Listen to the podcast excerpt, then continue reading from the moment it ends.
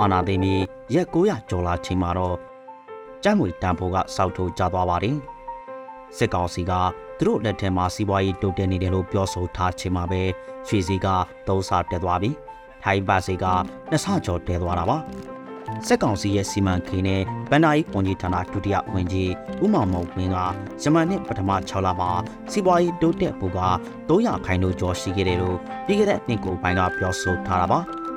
ဒါပေမဲ့မြေပြင်မှာတော့တန်ငွေတက်ဖို့တောက်လျှောက်ကြနေပြီးခြေခံစားတော့ကိုစေးတွေအတော်မင်းမြင့်တက်လာနေပါတယ်ကြာငွေပေါ်ရှိုးကြည့်မှုနေလာတဲ့ပြည်သူတွေက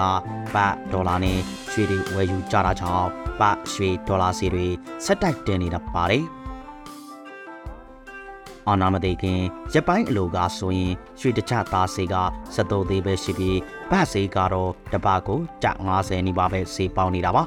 အာနာသိပြီးနှစ်လကြာမှာတော့ရွှေတကြသားကို14သိန်းအထိတက်လာပြီးဗတ်စေကလည်းစတက်လာခဲ့ပါတယ်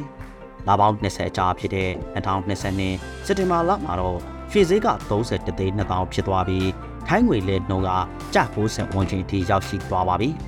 မြန်မာစီးပွားရေးဗလန်တာဖြစ်နေချိန်မှာပဲအမေရိကန်ဆိုရကစစ်ကောင်စီလက်အောက်ကဘဏ်တစ်ခုကိုအရေးယူပိတ်ဆို့လိုက်ခြင်းကလည်းကျငွေတန်ဖိုးကိုစောက်တိုးကျသွားစေပါတယ်အမေရိကန်ဆိုရက မြန်မာနိုင်ငံခြားကိုယ်သွယ်မှုဘဏ်နဲ့မြန်မာယင်းဒီမြို့နယ်မှုနဲ့ဥဒန်ရှောင်းဝယ်ရေးဘဏ်ကိုအခုနှစ်ဇွန်လတာရီယာဘတ်ကအရေးယူခဲ့တာပါဒီလိုအရေးယူပြီးချိန်မှာတော့အခောက်ရွှေတကြားသားစေက32သိန်း6000အထိတက်လာပါတယ်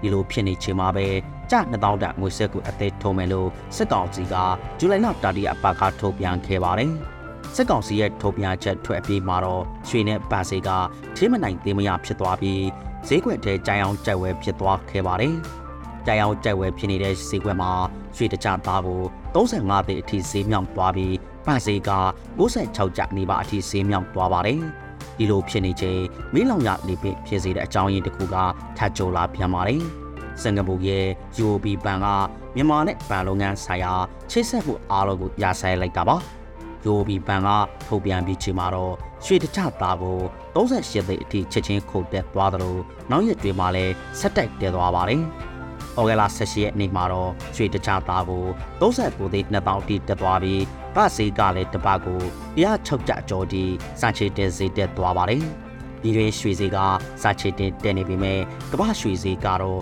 မကြိုစဖူးကျဆင်းနေပြီးဒီနေ့ကမ္ဘာပေါက်စီအရာတအောင်စားဖို့1891ဒေါ်လာပဲဈေးဖွင့်ထားတာပါ။ဒါပေမဲ့ကြာငွေတန်ဖိုးစတိုက်ကျနေတဲ့အထွေကြာငွေကိုမကိုက်ရဲချတာကြောင့်ချိုးဝဲသူတွေပိုများလှနေတယ်လို့ဈေးကွက်ထက်ကသိရပါတယ်။ဒါကြောင့်ရွှေဈေးကအမြင့်ပိုင်းမှာပဲဆက်ရှိနေမှာဖြစ်တယ်လို့ဗတ်ဈေးကလည်းယခုဈေးကနေပြန်ကျဖို့မဖြစ်နိုင်ဘူးလို့ကျွမ်းကျင်သူတွေကသုံးသပ်နေကြပါတယ်။